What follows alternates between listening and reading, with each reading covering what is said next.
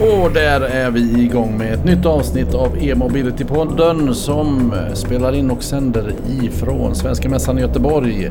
E-car Expo 2019. Det är mycket som händer, många utställare, både vad det gäller infrastruktur och även naturligtvis själva fordonen. Men sen finns det ju saker man ska tänka på. Vilka risker är det egentligen man ska ha med sig i bakfickan eh, och fundera över om man skaffar exempelvis en elbil.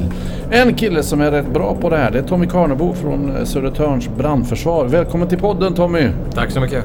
Hur mår du idag? Ja, bra tack. Jag har varit uppe på stora scen precis nu så att eh, nu är det lite lugn och ro i magen. Hur är det att stå på sto stora scen när man är brandman? Eh, ja, jag jobbar ju nästan professionellt med att föreläsa just nu så att det, det är inte jättefarligt. Men här var jag lite nervös för att jag har inte träffat så mycket folk från elbilsbranschen som jag gjorde nu. Men det var en härlig utmaning och det var en bra diskussion och en bra debatt. 19 år ute på fältet? Jajamän, 19 år ute på fältet. Vad, eh, vad är den vanligaste typen utav bränder? Om man jobbar på Södertörn? Eh, jobbar man på Södertörn så är det en väldig blandning. Vi, har ju, eh, vi är ett väldigt, väldigt stort brandförsvar som täcker väldigt många kommuner. Men i min kommun så är det väl troligtvis de eh, bilbränder som är de vanligaste där det väl brinner. Och markbränder såklart på sommarna. Absolut. Har det ändrat sig någonting sedan elbilarna började dyka upp? Nej, absolut inte. Det är varken fler eller färre? Nej, absolut inte.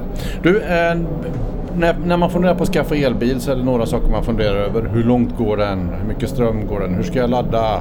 Sen har man ju hört om att börjar det brinna då är det inte kul och det är massa svårigheter. Är det någon skillnad? Är det svårigheter med att släcka en bilbrand i en elbil? Så länge inte batteriet deltar i själva branden så är det ingen större skillnad mot en vanlig bil. Absolut inte. Eh, de extremt få gångerna som en eventuell brand kommer att pågå i en bil och så att det blir en termisk rusning och batteriet deltar. Då får vi en liten annorlunda eh, utmaning i det. Inte en större, men det är en annorlunda utmaning för, för brandkåren. Eh, där vi behöver jobba lite grann med tid och framförallt handlar det om utbildning av vår personal. För att i dagsläget så finns det väldigt mycket myter, rykten som rullar och brandförsvaren eh, har ibland en liten annorlunda bild om hur de ska hantera de här fordonen. Men vi gör allt för att stötta och hjälpa till. Vi tar myterna då så debankar vi dem som det heter på Ja, svenska. myterna är ju att eh, bilar blir, elbilar blir strömförande vid kollision. Nej. Eh, mig, jag känner inte till ett enda fall i världen där en bil har blivit strömförande vid kollision. Eh, alla bilar börjar brinna vid kollision. Nej, det gör de absolut inte. Elbilar är säkra. Jag har, skulle jättegärna ha en elbil eller en hybrid själv. Och jag skulle köra mina barn i den, absolut. Eh, vad finns det mer för myter? Eh, eh röken dödar alla.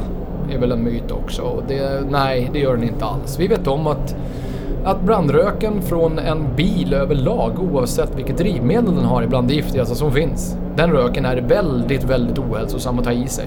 För den innehåller väldigt mycket. Det spelar ingen roll om det är en bil med fossila drivmedel eller om det är en elbil. Eh, elbilsbränder, när man väl verkligen kämpar och får batterin att delta i, i branden, då, har vi nu, då kan vi ha en utmaning med de brandröken som bildas och hur brandkåren ska hantera det. Eh, utomhus ser jag det inte som ett problem överhuvudtaget. Men i slutna utrymmen kan det bli en utmaning för brandkåren om man inte, inte, inte har utbildning, rutiner och kunskap om hur man ska hantera dem. Men okej, okay, det var mycket som var lugnande här. Det är bra. Men ja, det här, bra. Ja, men det är bra. Ja. Och det, lugn vill man vara men sen vill man ändå liksom vara medveten om, vad, om det finns eventuella risker. Och du säger att det är sällsynt att det liksom kommer till att det är själva batteriet som är boven i det hela. Men om det kommer dit, vad, man för, vad har ni för utmaningar? Som... Ja, utmaningen vi framförallt där har ju att branden kan pågå väldigt länge. Eh, eh, jag fick till och med ett fall här nu som var förra veckan. Eh, en, en bil, eh, med en kvalificerad gissning eftersom utredningen pågår. Men en mm. kvalificerad gissning är en anlagd brand. Den, eh, en elbil stod bredvid tre andra, två andra bilar. Någon utav bilarna började brinna. Vi kan inte spekulera i varför, men någon utav bilarna började brinna. Och brandkåren kommer dit. De släcker ner de två första bilarna på 10 minuter, det är ungefär det det tar. Och den, själva elbilen, där hade branden pågått så himla länge. Så att det, där fick de, där fick, är vi ganska bergs, vi är ganska övertygade om att batterierna deltog i, i, i själva branden. Så mm. det tog dem 45 minuter att släcka den bilen. Då. Ja, ni vet inte om de var orsaken men det, det, den brann så länge så ja. att de blir påverkade. Jajamän. Och det har brunnit, eh, det har brunnit en, en, en tid här för det stod på en innergård så det var ingen som upptäckte det här. Nej. Eh, Så att det, där har det brunnit en ganska lång tid, tro, är kvalificerad gissning på det. Men skräckexemplen då man har hört talas om. Ja, nu släcker vi elbilsbranden. Och där satte den igång igen. Och igen.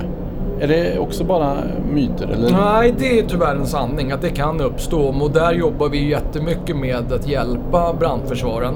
Mitt brandförsvar Södertörn, vi, gör, vi lägger jättemycket energi på att hjälpa andra brandförsvar att kunna ta till sig informationen och utbilda sin personal.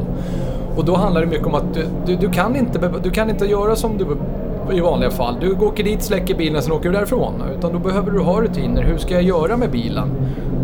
Ska jag bärga den och bärga den härifrån? Han, den individen måste få information om hur den ska bete sig. Eh, Där de ställer upp bilen i väntan på utredning eller vad man nu vill göra, då ska den vara, platsen vara designad eh, på ett specifikt sätt.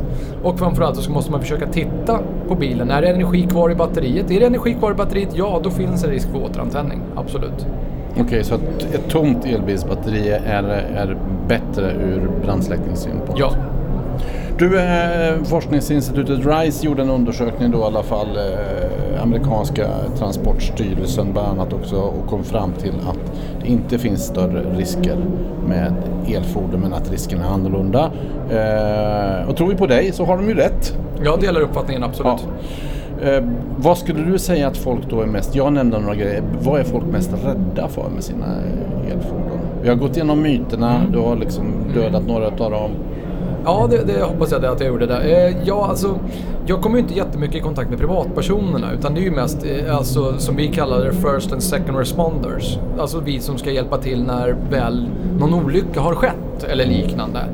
Eh, så att jag är inte jättehundra på exakt vad det är för privatpersonerna ser för problematik med elbilarna men det, det, som, det som själv har varit för mig är väl, väl lite tveksamt med räckvidden. Som om jag själv skulle köpa en men där har det ju blivit betydligt bättre. Det händer massa grejer där verkar Ja, ja absolut. Det gör det ju hela tiden. Dagligen så uppdateras ju bilarna, bilmodellerna. Allt, allting från att de lägger in, hittar, nytt, hittar ett nytt batteri. Men de flesta fordonstillverkarna byter ju batterier i bilarna till en ny modell en till två gånger om året. Och då blir det oftast lite bättre. Nyare grejer blir bättre. Och säkrare också hoppas vi. Absolut. Men du, eh, jag tänker det är ju en skillnad här då. Eh, vad, vad skulle du säga för någon, någon undersökning visar att nej, men vi vill att eh, eh, laddningsstationen ska vara så nära centralen som möjligt och den kanske är långt in i huset. Räddningstjänsten antar jag vill ha det så nära utgången som möjligt. Var ska man placera laddcentralen? Eh, ja, alltså, vi är ju så... Södertörns brandförsvarsförbund tillsammans med flera andra räddningstjänster har ju släppt en rekommendation hur vi rekommenderar laddning utav elbilar. Och det är inget annat än rekommendation. Vi har släppt en rekommendation som gäller våra, hem, våra hemkommuner. Eh, och där pratar vi om att, eh, och det är ju framförallt, eh, vi, när vi släpper en rekommendation då är ju oftast den designad för brandmännens säkerhet. För det är våra medarbetare och kommunerna. Och det, eh, det finns en minimal risk att det kan ske en, en, ett problem med en elbil under laddning. Men då är det framförallt, skulle jag säga, är det en korrekt installerad laddstation så kan det vara en defekt i batteriet. Och det kan det vara, det är fortfarande en tillverkningsprocess. Precis som det kan vara en defekt i en bränsletank hos en vanlig bensinbil och soppan rinner ut. Så att det, man ska inte blanda ihop för mycket där bara. Så att, men så, så vi, vi ser ju helst att laddningen sker utomhus på, med en korrekt installerad laddstation.